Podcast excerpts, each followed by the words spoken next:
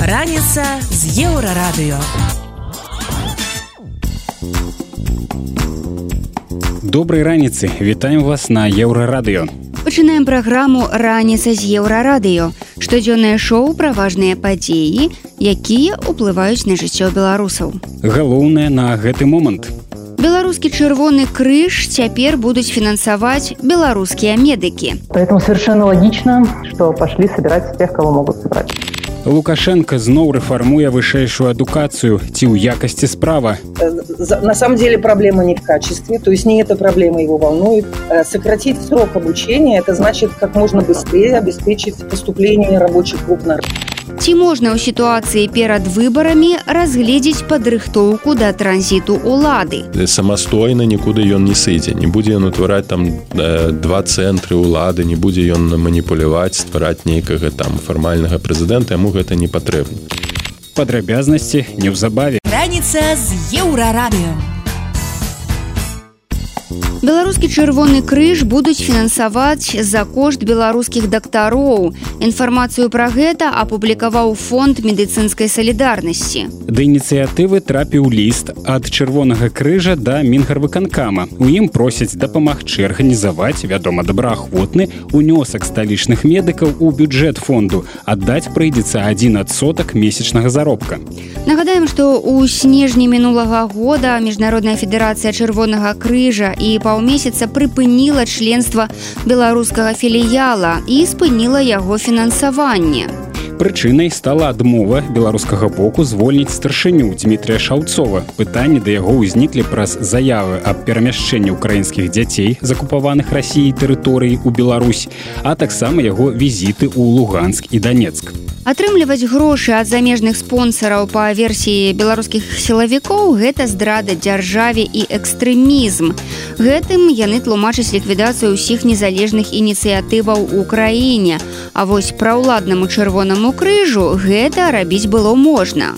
Пра схемы фінансавання структуры на чале з дмітрием шаўцовым у каментары для проекта маланка медыа расказвае каардынатарка фонду медычнай салідарнасці лідія тарасенко различные представители очень часто любят обвинять э, НГО, фонды какие-то в распилах бюджетов. При этом они просто судят сами по себе. В Беларуси всегда самым большим грантополучателем были различного рода прикорытные организации, которые отлично э, могли распорядиться этим бюджетом по своему усмотрению. И вот в 2022 году э, более чем 57% бюджетов Красного, Белорусского Красного Креста было от международных доноров. Членские взносы составляли почти 19%, пожертвования населения чуть больше 12%, э, спонсорская безвозмездная помощь почти 9%, ну и какие-то другие э, источники, которые там меньше, меньше 3% составляли. Вот, поэтому совершенно логично, что пошли собирать тех, кого могут собрать. Як вынікае сродкі фонду беларускага чырвонага крыжа патрэбныя зусім не для рэальнай дапамогі тым каму яна патрэбная. А каб было за што купляць дроны ды машыны для расійскіх салдатаў каб тыя маглі больш эфектыўна і далей забіваць украінцаў. Вось такая міласэрнасць ва ўяўленні лукашэнкаўскага рэжыму. Еўрарадыё Далей у праграме раніца з еўрарадыё. Лукашенко зноў рэфармуе вышэйшую адукацыю ці ў якасці справа. Э, на самом деле проблема не в качестве, то есть не эта проблема его волнует. Э, сократить срок обучения, это значит как можно быстрее обеспечить поступление рабочих групп на Ці можна у сітуацыі перад выбарамі разгледзець падрыхтоўку да транзіту улады самастойна нікуды ён не сыдзе не будзе ён утвараць там э, два цэнтры улады не будзе ён маніпуляваць ствараць нейкага там фармальнага прэзідэнта яму гэта не патрэбна. Падрабязнасці хутка не пераключайцеся. Раніца з еўрарадыё. у На мінулым тыдні Лукашенко ізноў узяўся ператрахіваць вышэйшую адукацыю. Сабраў вялікую нараду, на якой зрабіў некалькі супярэчлівых заяў наконт сістэмы ВНУ ў краіне. Нейкіх канкрэтных высноў, што з адукацыяй і як гэта выпраўляць не прагучала. Таму чыноўнікі вырашылі самі інтэрпрэтаваць ідэі свайго лідара і кінуліся рабіць заявы. Самай гучнай стала прапанова міністра адукацыі Іванца пра кратнае павелічэнне выплат у выпадку неадпаведнасці распрацоўкі абавязковага размеркавання і гэтым ён толькі пацвердзіў падазрэнне экспертаў пра тое што ў рэальнасці стаіць за гэтай вялікай нарадай і гэта зусім не клопат лукашэнкі пра якасць вышэйшай адукацыі альбо павышэнне яе папулярнасці сярод моладзі прадстаўніца офіса ціхановскай па пытаннях адукацыі і навукі татяна шчыцова у эфіры проекта обычное утро лічыць што прычыны там больш празаічныя что он предлагает на следующем на следующем шаге посмотрите то есть как как обеспечивается качество программ э, совершенно гениальное э, решение он говорит давайте проверим может быть надо сократить срок обучения то есть там где вот было 5 лет 4 года а, может быть, надо сделать 4 и 3 года. То есть опять снова вскрывается реальная причина, которая держит этого человека в, серьез... в таком в отчаянном, истеричном состоянии. Э, э, на самом деле проблема не в качестве, то есть не эта проблема его волнует. Э, сократить срок обучения – это значит как можно быстрее обеспечить поступление рабочих рук на рынок. Но здесь есть такая в его манере лукавство, потому что для молодежи, в принципе, если срок обучения э, будет сокращен, ну, то есть перспектива, например, получить диплом не через 5 лет, а через 4 года, или не через 4, а через 3 года, там, в зависимости от программы. Ну, сама по себе такая мера, она чисто прагматически, она может звучать привлекательно. У эканоміцы краіны настолькі ўсё дрэнна з працоўнымі кадрамі, што ў ход ідуць любыя метады. Вядома, з адценнем прымусу, як і любіць рэжым. Еўрарадыё. Далей у праграме раніца з еўрарадыё. Ці можна ў сітуацыі перад выбарамі разгледзець падрыхтоўку да транзіту ўлады. самастойна нікуды ён не сыдзе. Не будзе ён утвараць там два цэнтры ўлады, не будзе ён маніпуляваць, ствараць нейкага там фармальнага прэзідэнта, яму гэта не патрэбна. Працягнем неўзабаве. Раніца з еўрарадыё. На нядаўняй вялікай нарадзе з вайскоўцамі і сілавікамі Лукашенко зрабіў шмат заяваў. Напрыклад, прадказаў трэцюю сусветную, расказаў пра будучую правакацыю ад палякаў і амерыканцаў, а яшчэ распавёў пра цэлы набор планаў, як і калі яго могуць зрынуць з пасады прэзідэнта. Але што насамрэч хаваецца за гэтым, наколькі ў цэлым рэальна такі наколькі ў цэлым рэальныя такія варыянты падзення рэжыму і што можа чакаць лукашэнку ў бліжэйшай перспектыве? Пра гэта у эфіры еўрарадыё разважаюць наш рэдактор змейсер лукашук і палітолог павел усаў. Лукашенко прапанаваў нават тры сцэнары якім чынам яго можна скавырнуць нарэшце з гэтай пасады якую ён нелегітымна займае зараз. У может быть ёсць магчымасць скарыстацца дарэчы вось як вы ацэньваеце гэтыя сцэнары? Таксама там сказаў я вас папярэдзіў А вы э, думаете что хаце рабіце выснову то уже все зрабілі высновы что там. Адзіны сцэнар пры рэальны сцэнар пры якім можна прыбраць лукашенко Ну гэта безумоўная рэвалюцыя ў беларусі якая не можа адбыцца без празы рассея ва ўкраіне. Іншыя сцэнары ну, мы можемм просто спекуляваць яны працаваць у гэтай сітуацыі на жаль не будуць. Канешне ёсць яшчэ такі фаталісцкі сцэнар калі памірае там лукашенко яго э, хароняць ці трымаюць у лядоўні як Пуціна ўжо які месяц нібы трымаюць у лядоўні так як гэта байку якую вераць некаторыя расійскія інтэлектуалы это адзін з самых э, ну, найбольш верагодных сцэнароў для беларусі і заўсёды для таких персаналісцкіх рэжымаў калі няма знешняга ўздзеяння і знешняга нечаканага як падзенне суперсістэмы напрыклад у якую тыя ці іншыя краіны ўваходзяць то смерць дыктатара спробы унутранай палітычнай трансфармацыі яны прыводзяць так ці інакш да сістэмных зменаў.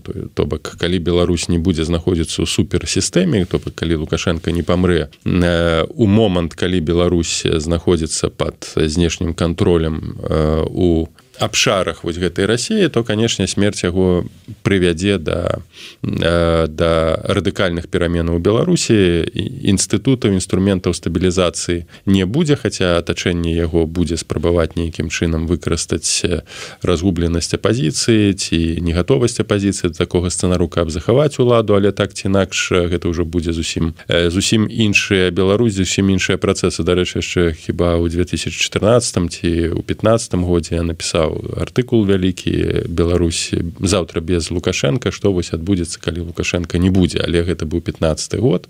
Ўсё ж такі магчымасці той для той же беларускай дэмакратычнай супольнасці якая знаходзілася ўвесь час яшчэ ў беларусі функцыянавала ва умовах аўтаноміі. Канешне шанс быў хаця ўжо тады распісваў магчымы хутчэй за ўсё сцэнары гэта ўтрыманне ўлады ў межах номенклатурна-сілавога апарата. Зараз уздзеянне і кантроль на таксама уплывы палітычныя у беларусі номенклатурна-сілавога апарата значна больш мацнейшая а прысутнасці апозіцыі там па сутнасці няма ў беларусі то канешне нават па смерці лукашенко і раз развалам расійскай сістэмы будзе спроба алігархіізацыі беларускай палітычнай рэальнасці. І тут пытанне наколькі апозіцыя будзе у стане рэальна мець ресурсы дзеля таго каб пазмагацца за ўладу ці ўплываць на палітычныя працэсы. Вось калі мы кажам пра рэальныя аб'ектыўныя працэсы зменаў у беларусі у тых умовах у якіх мы на сённяшні момант знаходзімся. Ну, пра рэвалюцыю ясна тут гэта ўжо такі другі сцэнар магчымы але ізнову дарэчы вось ужо гадавіна майдана праходзіць так люты 2014 году адбыўся адбылася рэвалюцыя годнасці ва ўкраіне. Рэвалюцыя ва ўмовах таталітарнага кантролю яна сама па сабе немагчыма але распад таталітарнай сістэмы паслабленне дэцэнтралізацыі яе канешне прыводзіць да спантанічных рухаў з глыбіні народа. І заўсёды гэтая энергія рэвалюцыйная яна будзе існаваць нават нягледзячы на падаўленне. Бо самае галоўнае каб мы разумелі што нягледзячы на такі неотаталітарны стыль кіравання лукашэнкам і пуцінам гэтыя сістэмы на шчасце не ў стане знішчыць велізарныя сацыяльныя пласты як гэта было зроблена у нямметчыне гітлераўскай як гэта рабіў сталіны бальшавікі. Яны вынішчалі цэлыя пласты пасіянарыў лукашенко зараз імкнецца павыкідаць беларусаў за межы актыўных пасіянарыў але нават з аднаго адной рукой выкідае а другой рукой змушае крычыць за тое каб затармазіце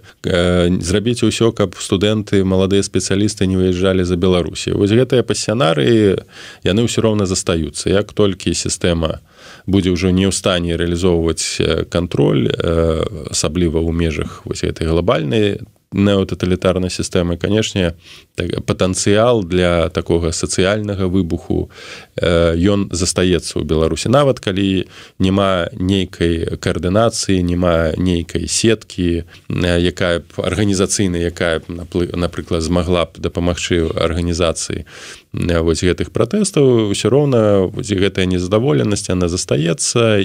Дарэчы мы неяк так адразу с наскоку пачалі і нас наши гледачы віншуюцца святам з днём роднай мовы. Мы са спадаром павлам таксама далучаемся віншуем усіх са святам. І асабіста маё пожаданне тут я думаю таксама павел мяне падтрымае что каб гэтае свята каб дзень роднай мовы у нас ва ўсіх быў як мінімум 365 5 дзён у на год. А, Так что яшчэ раз усіх віншую. Павел там вот третье третий сценар агучаны лукашенком як он сказал это прогучало так игра в долгую.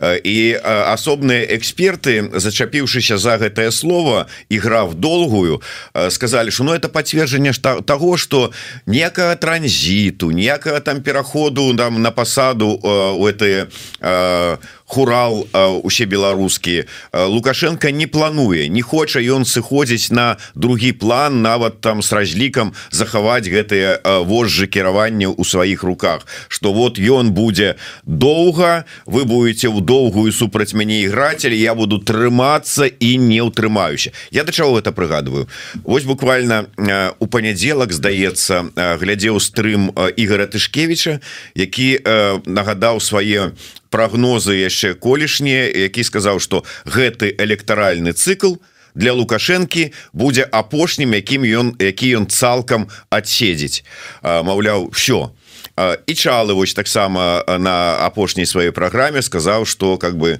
все так все ці іграў долгую. Ну, ён не збіраецца сыходзіць. Вогуле не ведаю адкуль такія ілюзіі што ён кудысьці будзе пераходзіць. Это чалавек для якога акрамя ўлады больш нічога не існуе і э, уся гісторыя усіх персаналісцкіх дыктатур яна з'яўляецца сведчаннем таго што пакуль дыктатар у стане функцыянаваць хадзіць на сваіх дваіх ён будзе утрымліваць уладу ён будзе бараніць свае пазіцыі нікуды сыходзіць не будзе нават той кейс вядомы які часам прыгадваюць гэта Казахстан дзе нусуртал нурсултан абішавіч назарбаю вырашыў сысці з пасады прэзідэнта ён вырашыў сысці не таму што ён так такі дэмакрат і падумаў пра транзіта таму што ўжо фізычна не мог не ў стане быў выконваць усе функцыі прэзідэнта і вырашыў вось прынамсі захоўваць механізмы контроля сілавога над такаевым так але ў выніку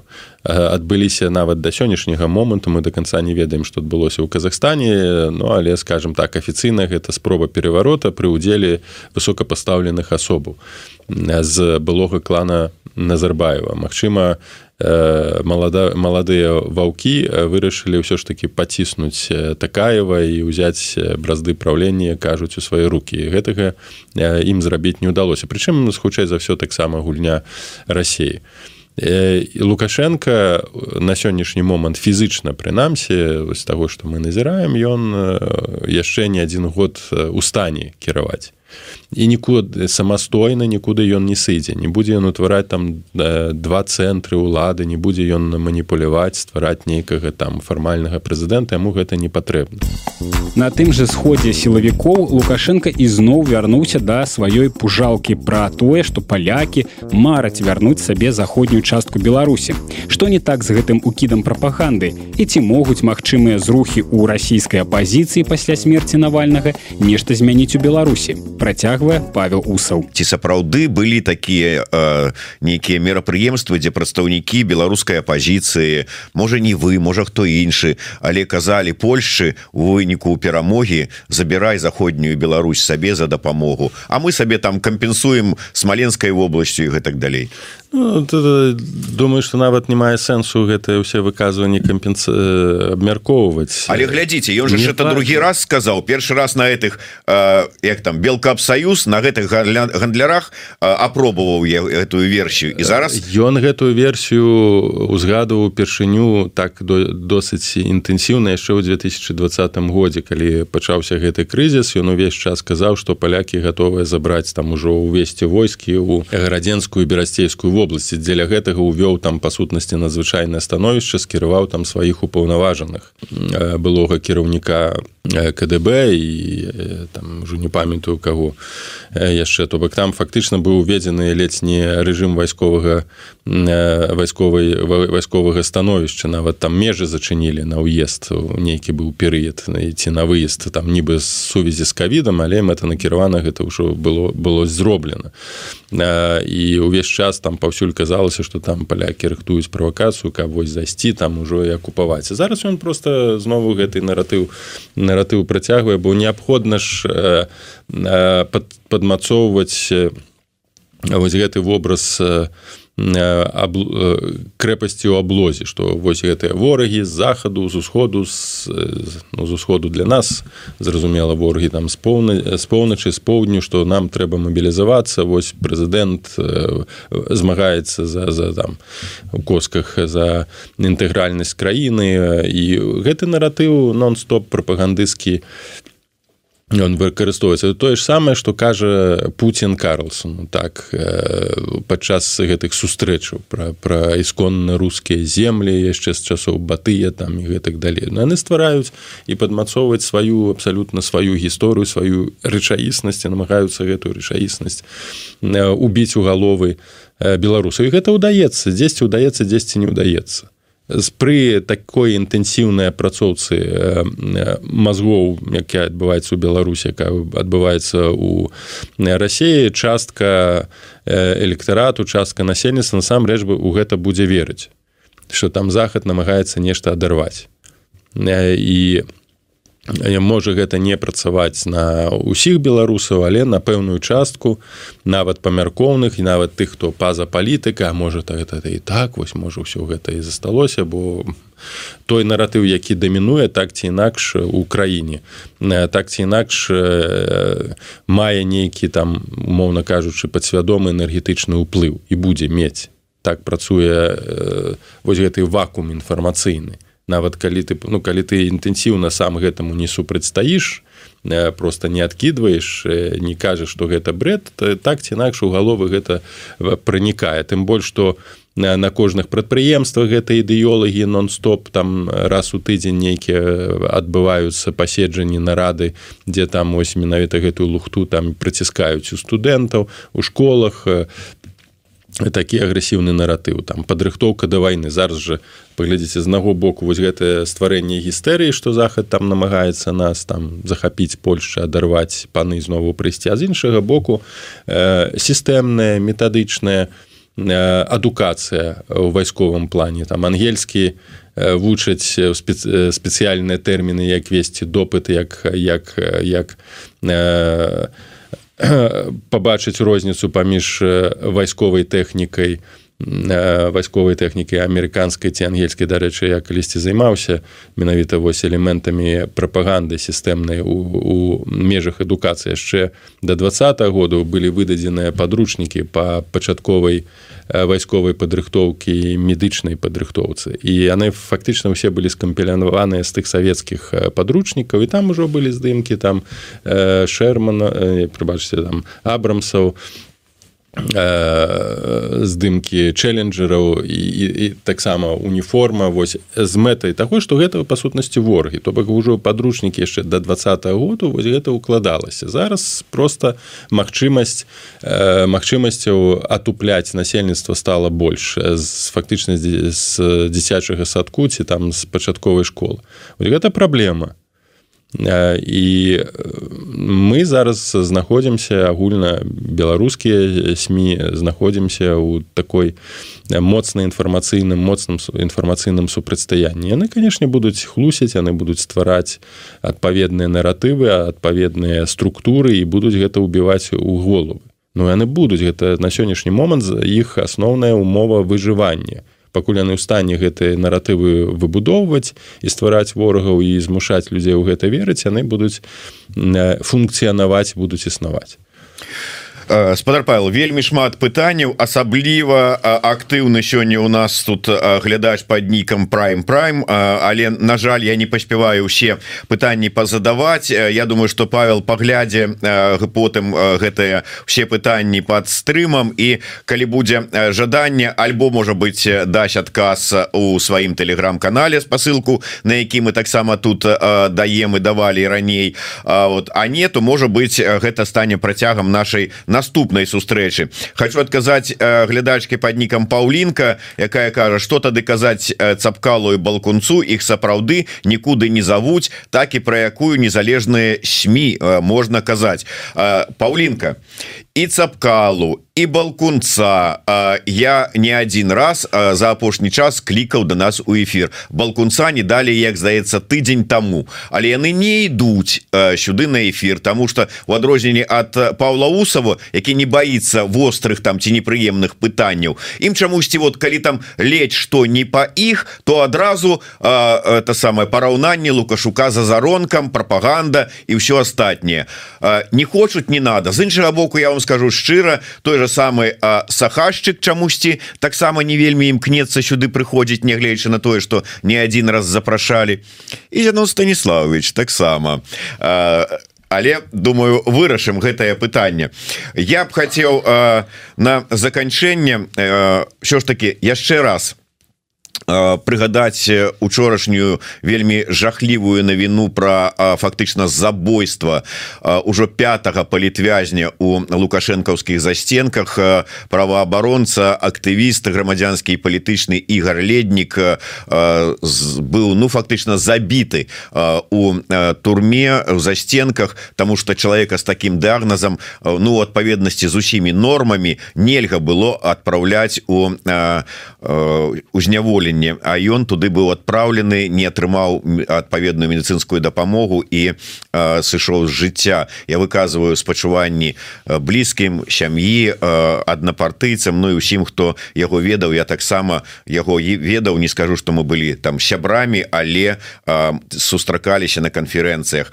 І на таксама далучаюся да спачуванню і на заканчэнне я б хацеў еще ж таки вот вернуться до э, тэмы вы сказали калі э, Россия проиграе в войне Украіне э, тады Мачыма нешта такое. Але зараз же ж вот нейкіе там шмат спадзяванняў на тое что можа быть Юлія навальная з перайме возьмесь падыме сцяг свайго забітага мужа можа быть аб'яднае апозіцыю можа быть там нешта здарыцца можа быть яны здолеюць нешта змяніць у России і гэта зменіць Россию і зменіць магчымасці для нас. Як вам такі варыянт? Нічога такога не адбудзецца і нічога такога таким э, накірунку развівацца не будзе.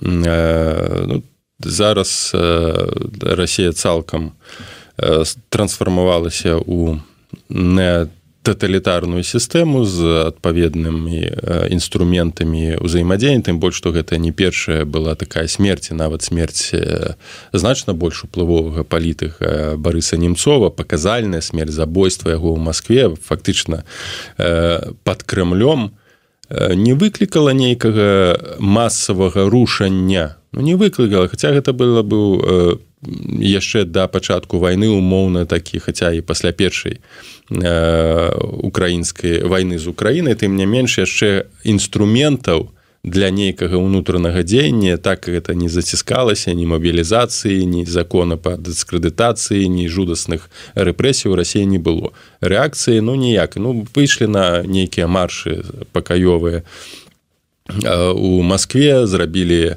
народныя Э, помнік для немцову немцова які потым гэтыя ж самыя камунальшчык і раскідалі так і рэакцыі ніякай то бок рэвалюцыі не адбылося хаця умовы ў параўнанні з тымі сённяшнімі былі значна большыя. Тая ж там на жаль смерць паліткоўскай нічога не змяніла. Так я ўжо не кажу пра паказальныя забойствы таго ж літвіненко не нічога не адбудзецца. Няма на сённяшні дзень ось гэтай гэтага глыбіннага дэмакратычнага народу. Нават паход прыгожана такі быў крытычны ключовы для сістэмы ну не да пры не, не прывёў і там людзі са зброі былі не не недзе там за мяжой яны ішлі калонны там на Маскву.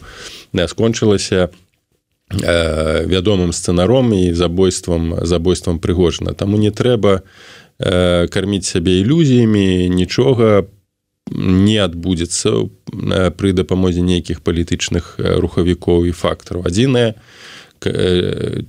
што можа зламаць храбет рэжыму Пуціна гэта перамога ўкраіны. На сённяшні момант для ўсяго цывілізаванага свету і асабліва для беларусі для дэмакратычнай супольнасці расейскай адзіная шанец на змены на перамены гэта перамога ўкраіны Гэта былі рэдактор еўрарадыё Зміцер Лукашук і палітолог Павел Усаў.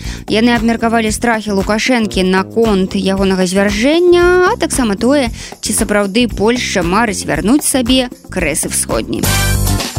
Еўрарадыё. Далей у праграме раніцы з еўрарадыё. Узброеныя патрулі з'явяцца на вуліцах беларускіх гарадоў. Ніколі ў Беларусі такога ўмацавання міністэрства ўнутраных спраў і асобных структур не было. яны па сутнасці ўжо адціскаюць КДБ. Як прапаганда малюе папулярнасць датэрміновага галасавання. А уже со сваімі кандидатамі определили за кого да, свой голос. Да, да. Э, читали избирательные Да, читала. И этот сам программы читала, подготовилась конечно. Пра гэта больш падрабязна бліжэйшым часам. Раніца з еўрарадыё. Узброеныя людзі будуць хадзіць па беларускіх вуліцах. І гэта не пагаршэнне крымінагеннай сітуацыі. Гэта клопат пра вашу бяспеку. Прынамсі, такім яго уяўляе Лукашенко. Таму ён даў загад узброіць патрулі міліцыі і ўнутраных войскаў, як мінімум баявымі пісталетамі гэтыя ўзброеныя людзі будуць тут цытата лукашэнкі спакойна хадзіць па вуліцах і пра гэта павінны ўсе ведаць. І тады маўляў ніякіх злачынстваў просто не будзе і людзі будуць адчуваць сябе спакойна Вось толькі што за злачынствы плануюць прадухіляць такім чынам? Беларускі кіраўнік не ўдакладніў. І гэта выглядае дзіўным на фоне рэгулярных спробаў міліцыі прапаганды запэўніць грамадзян што ў нас самая спакойная краіна ў свеце. Дык ад каго ж будуць адстрэльвацца міліцыянеры? Яшчэ раз слова паулу усаву. Это комплекс мер які рэалізуецца для забеспячэння ўнутранага палітычнага тэрору. Нічога супольнага з рэальнай рэчаіснасцю не маюць. Але гэта штучная створана рэчаіснасць для таго каб падтрымліваць унутраныя ресурсы і забяспечваць тэрору. Ну плюс мабілізацыя ўсіх гэтых структур карніцкіх якія рэалізуюць і забяспечваюць гэтыя тэроры. Ад прокуратуры да губазікаўцаў і ямапаўцаў і вагнераўцаў як пра гэта казаў карпенкоў. Плюс да гэтага кожная структура як і ў савецкія часы пры сталіне і пры брежневе там барацьба паміж КДБ МВД і зараз у беларусі калі калі гаворка вядзецца пра ўплывы яны яны застаюцца так? І зараз две моцныя структуры ніколі ў беларусі такога ўмацавання міністэрства ўнутраных спраў і асобных структур не было. Яны па сутнасці ўжо адціскаюць КДБ час успомніць парады з 90-х калі бачыце групку маладзёнаў у цёмным адзенні не набліжайцеся да іх і не прыцягвайце ўвагі. Бо гэта можа быць узброеная міліцыя. Еўрарадыё Далей у праграме раніцы з еўрарадыё. Як прапаганда малюе папулярнасць дэтэрміновага галасавання. А уже со сваімі кандидатамі определили за кого да, свой голос. Да, да. Да. Э, читали избирательные да, читала, и этот сам программы читала, подготовилась, конечно. Падрабязнасці неўзабаве.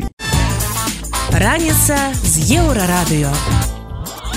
У краіне поўным ходам ідзе датэрміновае галасаванне. Па інфармацыі цэнтра выбаркама толькі за першы дзень аўторак 20 лютага прагаласавалі больш за 5соткаў выбаршчыкаў. І ідэолагі і прапагандысты спрабуюць абгрунтаваць гэты нечаканы попыт на такую опцыю ад уладаў.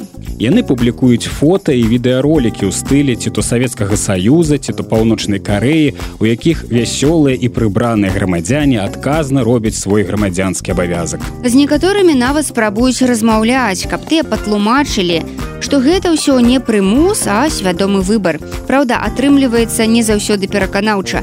Вось якая размова адбылася ў журналіста ў ганцавіцкай раёнкі з мясцовай жыхаркай. Почему голосуете досрочно? Досрочно, потому что в деревне смотрю маму. В воскресенье прийти не могу. Значит, уезжаю в субботу. Вот досрочно. Угу. А уже со своими кандидатами определили, за кого отдадите да, свой голос? определилась, да. да. да. Э, читали избирательные Да, и читала. И этот сам программы читала, подготовилась, конечно. Угу. Спасибо. І калі датэрміновае галасаванне выглядае ў прапагандзе выключна мірна, карціна адзінага дня галасавання ў нядзелю 25 лютага малюецца ў іншых фарбах. У сюжэтах дзяржмедыя фігуруюць правакацыі, тэракты і бунты.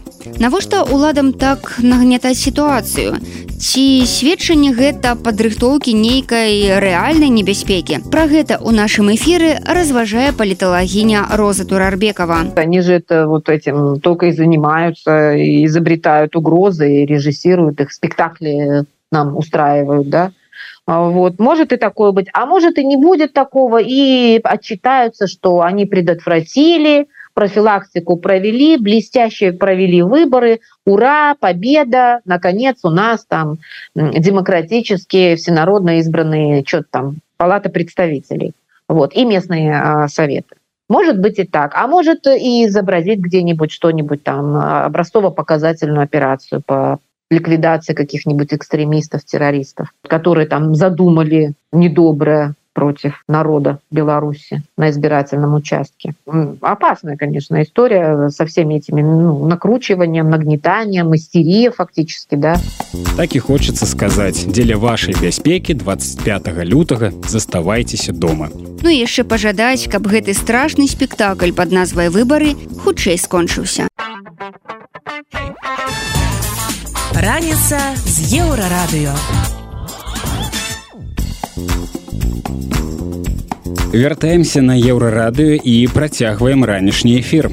Вы па-ранейшаму слухаеце раніцу з еўрарадыё. Інфармацыйнае шоу пра важныя падзеі, якімі жывуць беларусы і іншы свет. І вось што цікавага мы распавядзем далей. Чаму праца камісіі па вяртанні з'ехалых правалілася? Белорусские власти, видимо, считают, что им достаточно просто пообещать кого-то не наказывать по возвращении, и им поверят.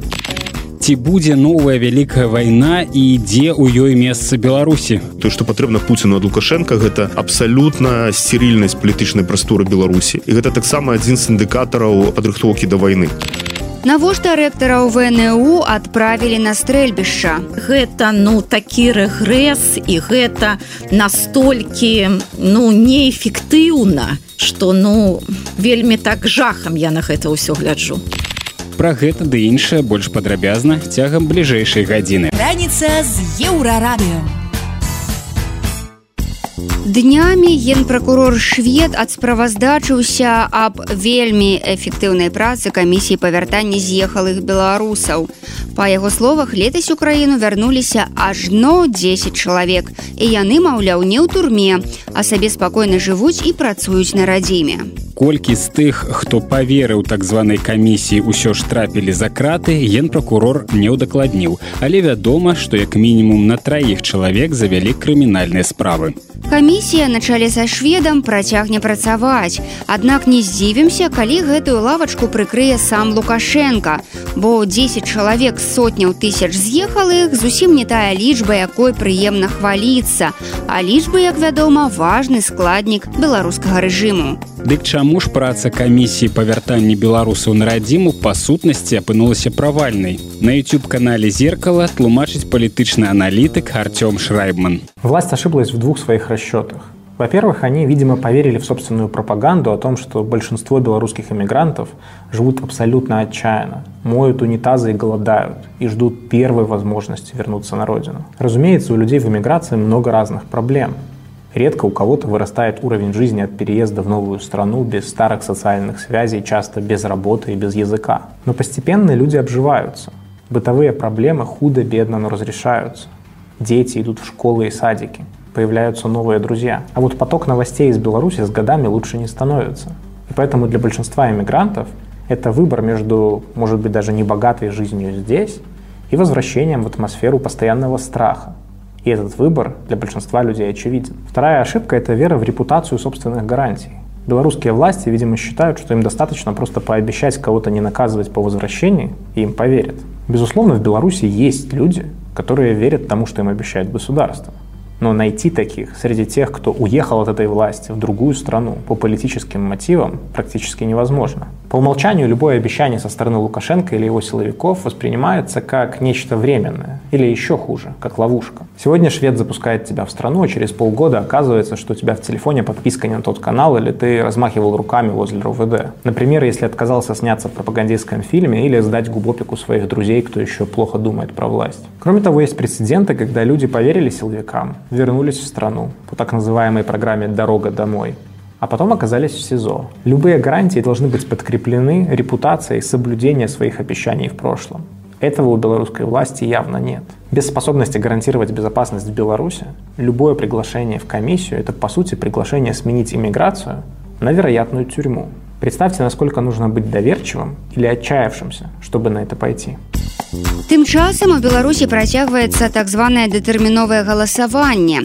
Нагадаем, выбіраюць дэпутатаў у ніжнюю палату парламента і мясцовыя саветы. Асноўны дзень галасавання адбудзецца ў нядзелю 25 лютага. Да гэтай падзеі ўлады падрыхтаваліся як да вайны. Узброілі патрулі, панатыкалі паўсюль камеры, забаранілі беларусам фатаграфаваць свае бюлетэні і стаяць у чэргах для выбарчых участкаў. Ну то бок з кожнага праса гучаць заклікі ісці на выбары, але стаяць у чэргах, каб прагаласаваць за лукашэнкаўскіх прыхільнікаў, а толькі яны сёлета ідуць у дэпутаты нельга. Дык навошта тады людзей агітуюць ісці на выбары, працягвае Артём Шрайбман. Разумеется, явку можно нарисовать, что они по традиции и сделают. Но ведь дело не только в официально объявленных цифрах, а еще и в визуальном образе. Основная цель этих выборов для власти – восстановить ощущение нормальности, показать себе, народу и миру, что 2020 год был просто операцией, временным сбоем. Для этого крайне важно, чтобы первые выборы с тех пор прошли без эксцессов, чтобы была картинка, подтверждающая тезис о перевернутой страничке. Люди спокойно, семьями идут голосовать, заходят в буфет, радуются атмосфере праздника. Номенклатура сама должна убедиться, что система восстановилась, что она способна проводить выборы как раньше. Это значит в том числе мобилизовать избирателя. А после того, как Тихановское большинство демсил призвали белорусов проигнорировать эти выборы, для власти стало делом принципа показать обратную картинку, унизить своих оппонентов, продемонстрировать, что они не могут сорвать процесс, они больше ни на кого не влияют. Массовый приход людей означал бы, что они все еще не разочаровались в этом процессе, что они доверяют власти в каком-то смысле, даже несмотря на отсутствие на этих выборах оппозиции. Со стороны режима это своеобразный автотренинг, форма самоуспокоения. А для конкретных номенклатурщиков это еще и возможность показать свои менеджерские навыки и дисциплинированность. Учитывая, что эта кампания пролог к президентским выборам, власти хотят и посмотреть, как люди в принципе реагируют на выборы после 20-го где могут быть какие-то сбои, какие чиновники ведут себя пассивно или, не дай бог, ненадежно, чтобы успеть их поменять перед 2025. Мы слухали палітычнага аналітыка Артёма Шрайбмана. Ён патлумачыў, навошта ўладам трэба, каб беларусы прыйшлі на выбары і чаму правалілася праца камісіі па вяртанні з'ехалых. Еўрарадыё. Далей у праграме раніца з еўрарадыё. Ці будзе новая вялікая вайна і ідзе ў ёй месца Беларусі. То, што патрэбна Пуціну ад Лукашенко гэта абсалютна сцірільнасць палітычнай прасторы Беларусі. І гэта таксама адзін з індыкатараў падрыхтоўкі да вайны. Навошта рэктараў ВНУ адправілі на стрэльбішча. Гэта ну такі рэгрэс і гэта настолькі ну неэфектыўна, што ну вельмі так жахам я на гэта ўсё гляджу. Працягнем пасля навінаў спорту.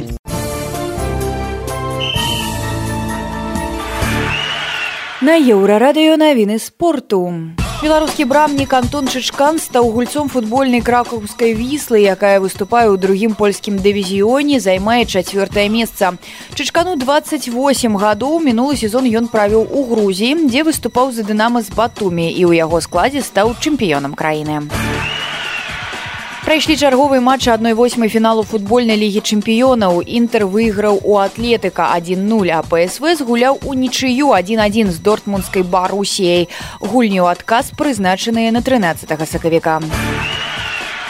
У чвэрцьфінале чэмпіянату свету па пляжным футболе зборная беларусі згуляе з партугаліяй матч прызначаны на чацвер у сваёй групе беларусы выйгралі ўсе тры матчы і занялі першае месца стаў вядомы пераможца еўрапейскай хакейнай лігі чэмпіёнаў. У рашаючым паядынку швейцарскі клуб жэнева сервет выйграў у каманды шыліфтэа са швецыі 32 для швейцарыі гэта першы поспех хакеістаў у лізе чэмпіёнаў. у кхл датэрмінова вызначыліся ўсе 16 удзельнікаў кубка гагарына. Плей-офф стартуе ў апошні дзень зімы а пакуль каманды дагульваюць апошнія матчы рэгулярнага чэмпіянату.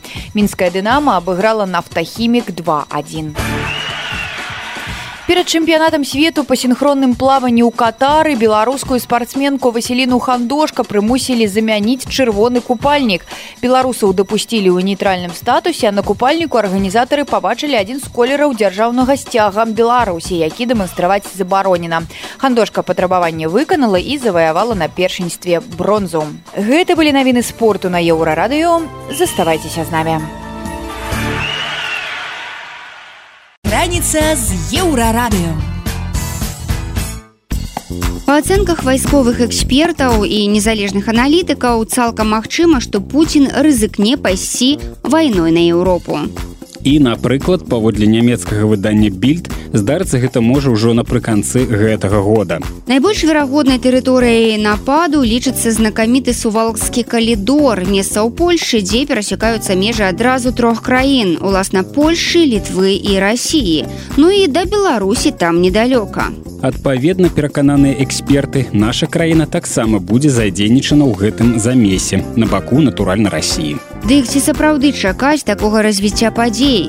Адказвае выканаўчы дырэктар аналітычнага цэнтру Айсэнс Улад Кобец, які надоечы вярнуўся з мюнхенскай канферэнцыі па бяспецы. Для нас цікавы рэгіён. Для нас цікава, што будзе з Беларусю, што будзе з Украіны, што будзе з краінамі Балты, таму што менавіта Беларусь як плацдарм разглядаецца Пуціным і а, мы бачым, што ўжо уцягнуты гэта Лукашенко для будучай агрэсіі. Што сёння бачыць Айсэнс, гэта тое, што адбываецца вельмі хуткімі тэмпамі уніфікацыі беларускай арміі з расійскай. Гэтага раней не было. Ідзе ўзбраенне пераўзбраенне ідзе вельмі агрэсіўная рыторыка адбываецца палітычная зачыстка і ў рассіі ў беларусі. Апрача навальнага мы ведаем што літаральна праз некалькі дзён у беларусі памёр іграледнік праваабаронца і гэта таксама такі месседж быў ад пуціна лукашенко што можна людзей забіваць. То есть яшчэ одна межа перойдзена і гэта таксама зразумела што мы прыйшлі ў часы калі на жаль жыцці людзей которые знаходзяцца у вязніцах яны под загрозай. І шмат вядомых людзей і алесь беляцкі мікола статкевич і знак і іншыя мы не ведаем што з імі адбываецца. Па некаторых больш за год ужо няма ніякіх звестак так інкамунікада так звана і гэта межа таксама пройдзена. Тое што патрабаваў і то што патрэбна пуціну ад лукашенко гэта абсалютна сцерільнасць палітычнай прасторы беларусі. І гэта таксама адзін з індыкатараў падрыхтоўкі да вайны. Таму вельмі вялікая небяспека которая несе гэта пара дыктатараў для беларусаў. Это магчымасць уцягвання Рэспублікі Беларусь у паўнавартасную маштабную вайну дзе беларускае войска уже будзе удзельнічаць где будзе беларуская тэрыторыя знаходзіцца под паражэннем як краіны агрэсара. Гэта небяспека которая гэты режим пачаў ужо даўно і которая памножылася пасля гвалтоўнага захопу улада пасля двадцатого года і нелегітымнасці лукашэнкі падпарадкаванне яго пуціну палітыкі пуціна. І на сёння у рэжыма у той часткі которая вакол лукашэнкі фактычна няма ніякіх аргументаў чтобы сказаць не пуціну хоць у, у, у чымсьці. Мы бачым абсалютную стерылізацыю адукацыйнай прасторы мы уже бачым это сумесныя падручнік гісторыі. Мы уже амаль два гады як праводзім моніторинг трендаў у адукацыйнай сістэме беларусі і то што адбываецца гэта называется дэнацыфікацыя калі в украіне яны прыходзяць і забіваюць людзей фізічна то беларусі яны дактрынуюць подлеткаў дзяцей у рускіх так таких савецкіх рускіх. І гэта таксама індыкатары того что рыхтуецца нешта больше мы раней гаварылі на такую тэму что некаторыя палітыкі на захадзе ўжо ну как бы про Беларусь кажуць як про конкретнага нават не тое что сатэліта А вот як частку России зараз на канферэнцыі Я разумею что калі Беларусь абмяркоўвалася як пляцоўка для яшчэ одного там наступу там ці на Украіну ці на краіны НАТО але вот якое было стаўленне і бачанне гэтай Беларусі сённяшняй? Глядзе это два розных тренды то есть перш за ўсё гэта конечно рэчаіснасць которая выражана у магчымасці выкарыстання беларускаго плацдарма для атаки. Гэта тэрыторыя которая может быть выкарыстана і другое гэта беларускі народ беларуская держава і я законны прадстаўнік законная прадстаўніца Светлана тихохановская это розныя рэчы мы только что закончылі анализ наших социалагічных даследаванняў сэнса і акуратнее уже некалькі дзён мы с нашими коллегами это абмяркоўваем мы я могу сказать мы бачым абсалютны кансенсус нацыі по двух вельмі важных пытаннях. Это не ўспрыняцце удзелу ў вайне это просто не маюць без адносна того кого падтрымліваюць беларусах это не ўспрыняцце удзелу ў вайне і гэта беларуская незалежнасць. Толькі 4сотки згодны з уваходжаннем стана ў склад России таксама можна сказаць что пераважная большасць беларусаў супраць размяшэння нуклеарнай зброі на тэрыторыі беларусі і арыентацыі фактычна і бацькоў па дзецях ідзе дзяцей наконт адукацыі на захад. Беларусь і евразвяз Россия на маргінесе фактычна. При этом конечно беларусы хотели бы каб былі нармальныя стасункі з усімі суседзямі. Беларусь працягвае беларуская нацыя працягвае існаваць як паўнавартасная спелая нацыя у варунках тэрору тому фрустрацыя і яна прачы считывается у этих даследаваннях людзі не атрымалі падтрымки пасля протэстаў двадцатого года пасля рэвалюцыі вельмі шмат людзей з'ехала. Але гэта не змяніла адносіны нацыі да таго что адбываецца вакол і гэта таксама дае падставы размаўляць про перспектывы беларусі зусім аддзельная і ад Украіны у звязку з войны так? Тому что мы чулі ад некаторых і чуем экспертаў что вось поспехи Украіны на фронте толькі пасля гэтага у беларусі можна нешта змяніцца. Мы кажам это телега паперадзе коня тому что менавіта Беларусь стала тэрыторыя з которой войскі выйшлі ў Кіев і захоўваецца пагроза не толькі для Украіны для савалкішызны для краін балты. Гэта краіна которая выкарыстоўваецца вытворчы цех для расійскай армії тому менавіта выцягванне Беларусі з войны ёсць подстава для сканчэння гэтай войны і Беларусь можа стаць донорам бяспекі ў рэгіёне. Але без лукашэнкі па лукашэнцы. Я увогуле не згодны з падыходам что лукашенко як быццам бы сапраўды некі зусім незалежны кіраўнік можа прымаць нейкі рашэнне. І он мог прымаць рашэнне до двадцатого года. Яшчэ мог прыняць рашэнне ў двадцатым годзе але ён яго не прыняў.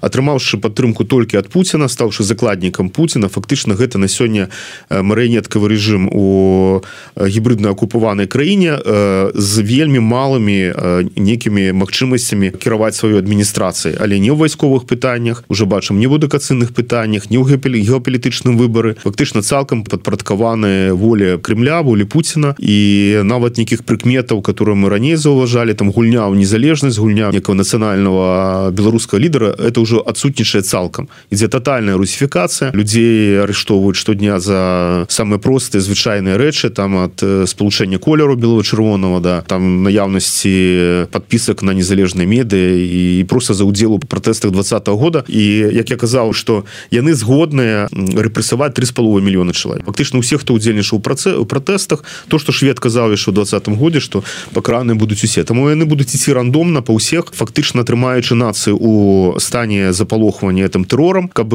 нішто не зашкодзіла таму плану Пуціна по выкарыстанню Беларусі у выпадку агрэсіі. Размова падкрэслі вядзецца ўжо не про тое будзе эта вайна ці не. І конечно ніхто не хоча. І не дай бог кабіна была але фактычна ідзе размова толькі про тое яна начнецца праз год праз 30 праз 5 потому что настроі Крымля і кірунак куды вядзе сітуацыю і краіну Пуін яна ўсім зразумела сюрпрызаў уже ні для кого не будзе ніхто не чакае нейкіх лайтовых версій гэтай агрэсіі Працягваем размову з уладам копцам. Ну, глядзі ты кажаш про тое праз год праз два праз 30 праз 5 але вайна пачнецца халезін у нашым недаўнім эфіры з ім сказаў что вайна можа пачацца ўжо сёлета і вось пасля выбараў у ЗША там на 9 лістапада кажа я вот і пачынаў кажа у гэтай сітуацыяй нам вот беларусам важно было б абмяркоўваць і разважаць на тэму А что нам у гэтай сітуацыі рабіць і мне сапраўды падаецца это важное пытанне неважно у гэтым годзе по халезіну там ці праз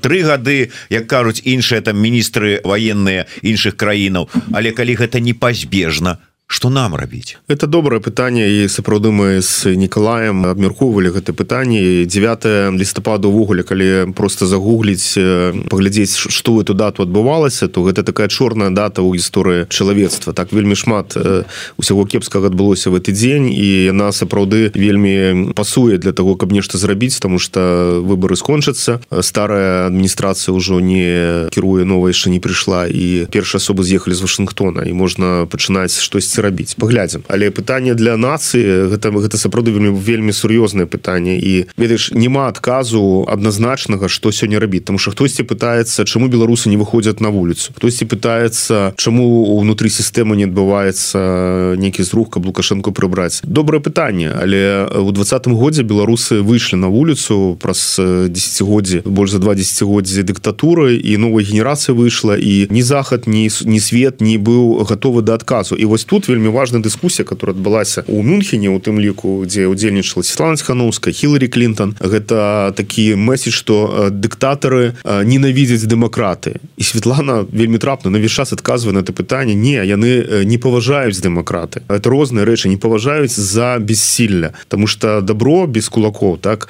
дэмакраты не, не можа абараніць сама сябе ці не можа абараніць пратэст у іншай краіне чакаючы некага развязання которое часам выходзіць крывавым а потым дыктатор і пачынаюць не паважаць тому что паважаюць сілу. І в этом плане гэта вельмі добры выклік для дэмакраты захаду для дэмакратычнага света. Быць можа это час перайсці на новы ўзровень эвалюцыі каб э, зразумець что калі мы не адказваем калі калектыўны захад не адказвае на выклікі як у беларусі двадцатым годзе ці такія як адбываюцца ў паўночнай карэі ці такія адбываюцца ў сіры то гэтыя аўтакраты і дыктатары пачынаюць э, знаходзіць сілу і пачынаюць аб'яднацца. І мы сёння бачым это працэс процессы которые отбываются по линии москва тигран пекин где лукашенко ездить з москвы у пекин и спрабуюць подцягнуть глобальный поўдзень так в некую іншую новую геополітычную простору где права человека просто отсутнічаюць і дэмакраты адсутнічае ніхто их не спытае ўжо чаму у вас сидзіць лідар оппозиции у труме толькі гандаль толькі бізнес і толькі узбагачэнне кланаў кіруючы і калі дэмакраты не знойдуць на это адказу то на жаль мы вводзім новый цикл ну трагедыі войны выпрабаванняў і адказаў на это пытанне на сёння я лічу что ёсць усе подставы даць адказ гэтым сілам з усходу і зрабіць пэўныя высновы з дэмакраты але калі калі дыктатуры уже пазбавіліся ад выбарчых цыклаў то на захадзе яны адбываюцца. Ты узгадаў про выборы ЗША насамрэч ніхто не ведае якая будзе палітыка трампа так? Потому что мы ведаем і по блізкаму ўсходу так? Яго рэакцыя была зусім іншая. Івогуле как бы это пытанне выбораў дэмакратычнага працэса в дэмакратычнай краіне гэта працэс але выклікі которые стаяць перед э, заходняй супольнасцю перед нато яны відавочныя. Тому что кожная змена ўлады ў такой краіне як ЗША она прыводзіць да зменам у палітыкі. І якая это будзе палітыка? Да, да чаго мы дойдзем яшчэ до этого часу выбору там что адбываецца працэсы як с навальным которые таксама меняюць падыходы палітыкаў яны мяняюць грамадскую думку тому что на такія рэчы людзі маюць пэўныя думкі. Але штосьці павінна змяніцца ў заходнім свеце каб кожны дыктатор кожны дыктатор который катуе свой народ кладушыся спаць разумеў што можа атрымаць штосьці сваю адміністрацыю што туды прыляціць просто. Мы размаўлялі з дырэктарам аналітычнага цэнтра айсэнс уладам копцам гаворка ішла пра падрыхтоўку Пуціна да нападу на краіны нато у якім будуць задзейнічаны беларуская армія і тэрыторыя еўрарадыо Далей у праграме раніца з еўрарадыё. Навошта рэктараў ВНУ адправілі на стрэльбішча. Гэта ну такі рэгрэс і гэта настолькі ну неэфектыўна, што ну вельмі так жахам я на гэта ўсё гляджу. Працягнем пасля навінаў шоу-бізу. Шоу-біз. Шоу-біз.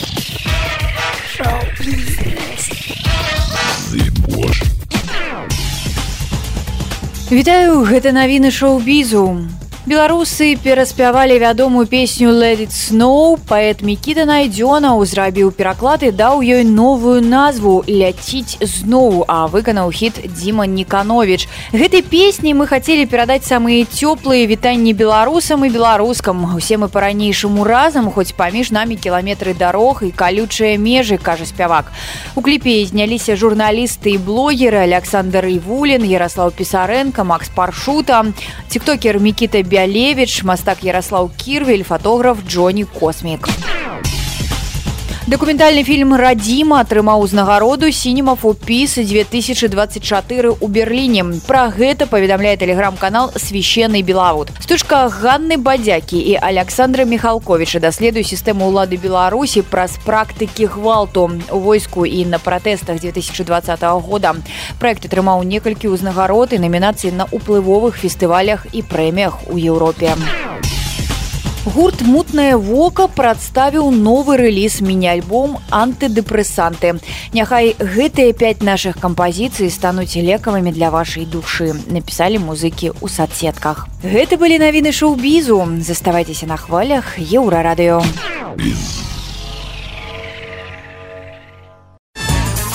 Раніца з еўрарадыё Мы ўжо распавядалі, што Лукашенко ўзяўся за ВНУ, але справа тычыцца не толькі якасці адукацыі ці размеркавання студэнтаў, каб тыя не з'язджалі з краіны. Гаворка ідзе і пра пастаянныя чысткі сярод выкладчыкаў і пра новыя ўменні рэктараў, якімі тыя мусяць валодаць у цяперашняй Беларусі. Ну, напрыклад, страляць з агнястрэльнай зброі. Цікава па кім, няўжо па студэнтах. Пра тое, у што ператвараюцца беларускія ВНУ, наш рэдактар змейсер Лукашук пагутарыў з ірынай сідорскай, медыяэксперткай і прафесаркай. Сабралі нямі рэктараў беларускіх ВНУ на стрэльбішчы. Ну, нормальная справа Ну каб умелі страляць каб падчас там палявання калі пойдуць там не стрэлілі адзін аднаму ў нагу А ўсё ж таки стралялі куды трэба. Але спадарыні Ірыны і тут аказаліся свае прэтэнзіі. Ну я не згаджуся с вами что гэта нормально для рэктараў гэта, гэта такое не тое что першы раз гэта нават уявіць сябе Ну вось раней было немагчыма. Каб медавіта вось рэктары перапрану апрануліся ў гэты камуфляж. І вось значыць паехалі і там удзельнічалі ў тым у чым ім патрэбна было удзельнічаць но глядзіце я тут скажу не толькі як можа гендерная экспертка я скажу як чалавек які там усё жыццё працаваў у вышэйшай навучальнай установе. І я не памятаю каб калісьці такое было. Нават не на маём жыцці а нават калі б ну гэта было там дзесьці ў гісторыі. Ну часы мяне меняются вакол война. Он поглядите что у свете робится. Послухайте лукашенко он сегодня выступал. Глядзіце у нас 50 вышэйшых навуковых устаноў А як вы лічыце колькі из іх узначальваюць мужчыны рэктары?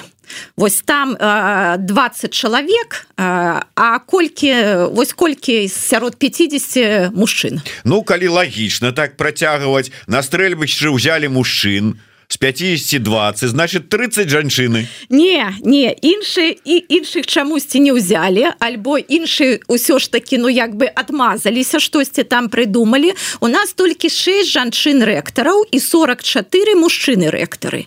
І вось для мяне гэтая картинка якую вось мы бачылі гэта гэта пра ўсё. Гэта пра наше грамадства з пункту гледжання гендернай роўнасці. Бо працуюць ва універсітэтах жанчын болей чым мужчын мужчын. Але вось узначальваюць мужчыны. А по-другое гэта тое ну чым зараз з'яўляецца наша сістэма вышэйшай адукацыі. Зразумела яна ніколі не была там цалкам свабоднай не была там вось цалкам гэтай акадэмічныя свабоды.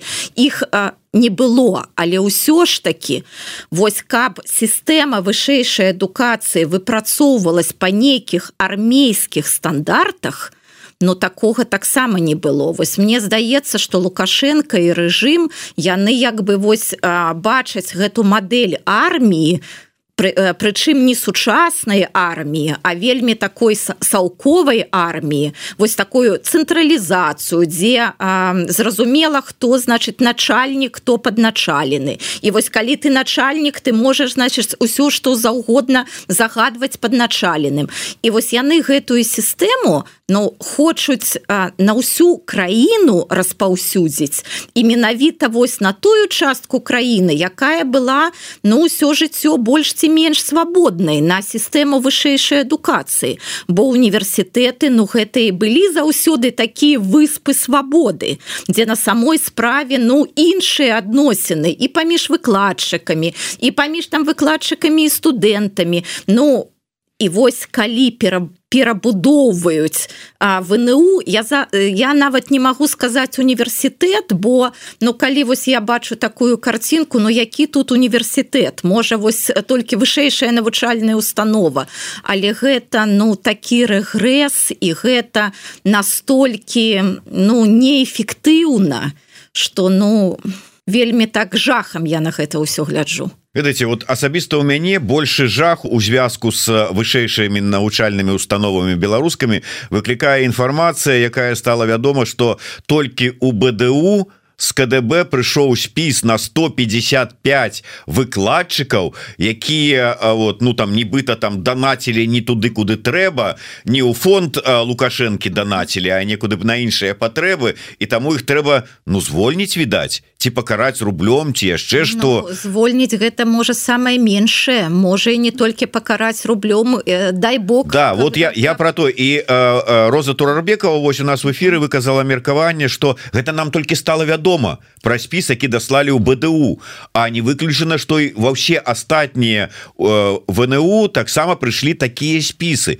І вот для мяне вось гэта страшней чым можа быть нейкі гендерны дисбаланс ці я как бы не А ну гэта же звязаныя цалкам звязаныя рэчы глядзіце вось вы гаворыце 155 выкладчыкаў а колькі ўжо змянілася выкладчыкаў ужо ж тры гады прайшло і шмат выкладчыкаў былі былі звольнены хтосьці кагосьці адправілі ў гэты заслужаны адпачынак но сярод выкладчыкаў уже даволі шмат таких узроставых людзей іх як бы афіцыйна не зволілі яны там на пенсію пайшлі Вось у нас няма дакладных лічбаў але ну я упэўнена на шмат адсоткаў змяніўся ўжо той состав выкладчыкаў які быў у двадцатым годзе і мог данаціць.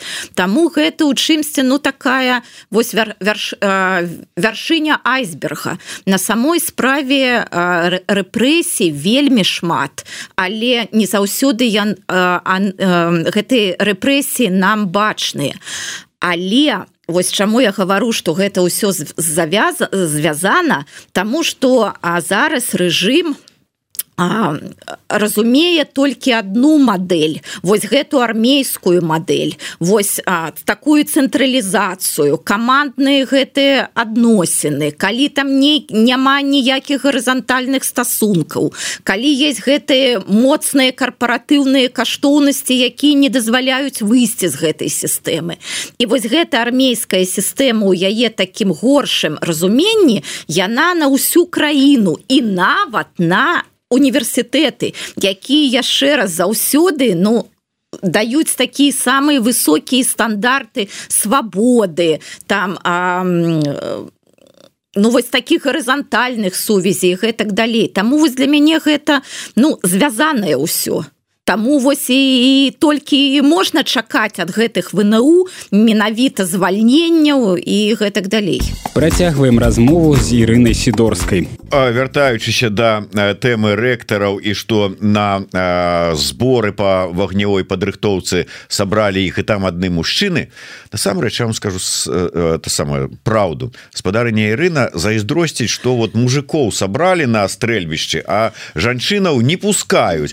Так вот я вам скажу скажу. Прадстаўніца э, праўладнага беларускага саюза жанчын Алена прохарова выступила с ініцыятывай каб жанчын таксама навучалі навыкам как бы валодання зброяй. Нормальная ініцыятыва. Зараз усе жанчыны будуць. Вот раней была там это девушка с веслома зараз будзе с ружом у беларускі варыянт. Ну нават калі б так было гэта было б ужо дрэнна. Але вось вы не сказалі а чаму яна хоча каб а, вось а, жанчын таксама абучалі вось страляць. Вот вы нам і патлумачыце я я разумею таким чынам что зараз правільная беларуская жанчына а, у с, с пункту гледжання рэжыма з пункту гледжання прапаганды это нават не тая якая заклікае ну напрыклад там нараджаць дзяцей і значыць там а, шчыра працаваць ніч, нічога не патрабаваць ад дзяржавы. А менавіта тая жанчына якая вось так творча падыходзіць да гэта гэтых дзяржаўных наратываў і сама іх развівае.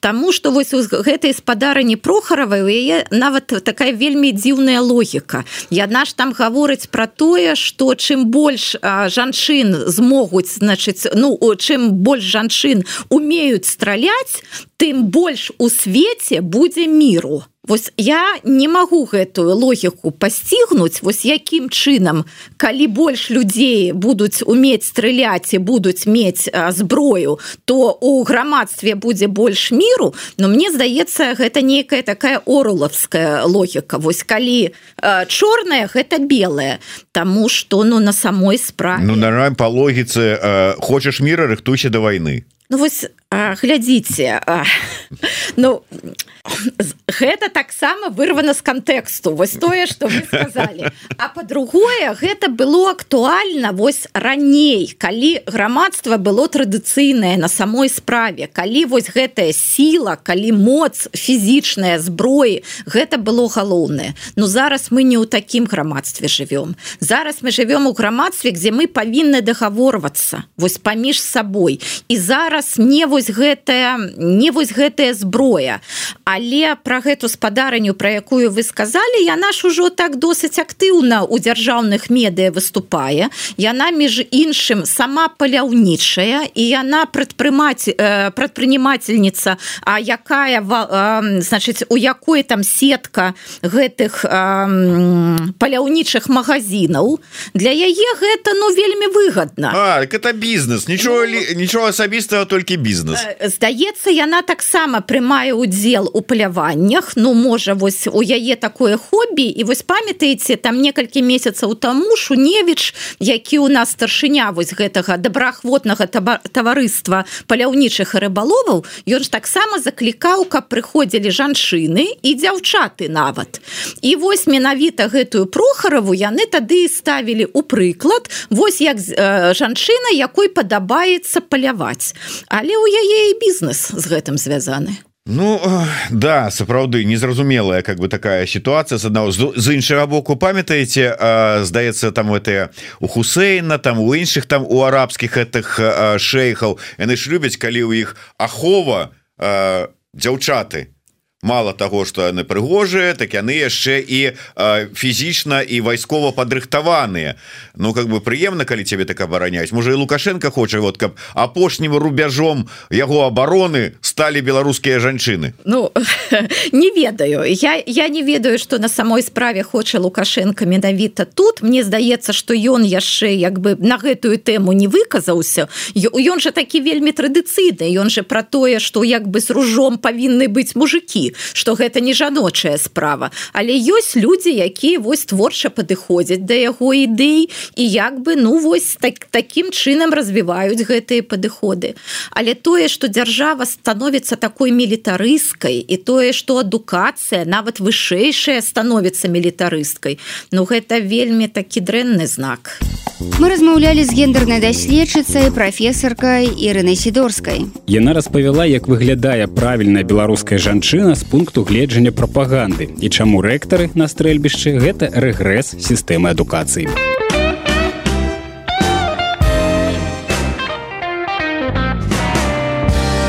Еўрарадыё. Гэта былі самыя важныя навіны і сэнсы раніцы з еўрарадыё. Заўтра ранкам мы зноў распавядзем вам пра галоўнае, што адбываецца ў краіне і свеце. Сустракаемся ў той жа час у тым жа месцы. Беражыце сябе. Пачуемся.